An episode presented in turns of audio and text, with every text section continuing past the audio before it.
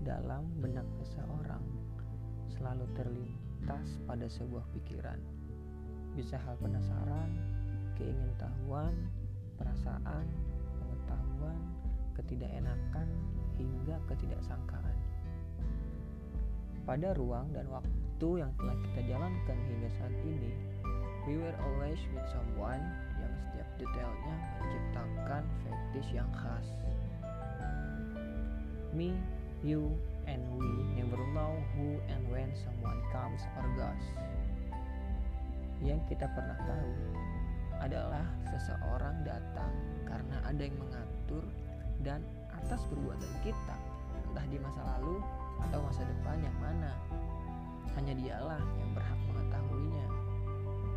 Aku ialah sesosok tubuh tidak tahu menulis simfoni walau terus sedikit yang terkabuli. Aku juga adalah orang yang dalam beberapa waktu menyemoga menuntut kehendaknya supaya semua sempurna dan berjalan sesuai rencana. Kamu adalah suatu objektivitas makna atas apa yang telah keluar di atas. Kita suatu himpunan dua pasang mata yang saling menerima sikap satu sama lain. Satu yang awal terus berjuang tanpa kenal lelah dan jumlah celah yang ada.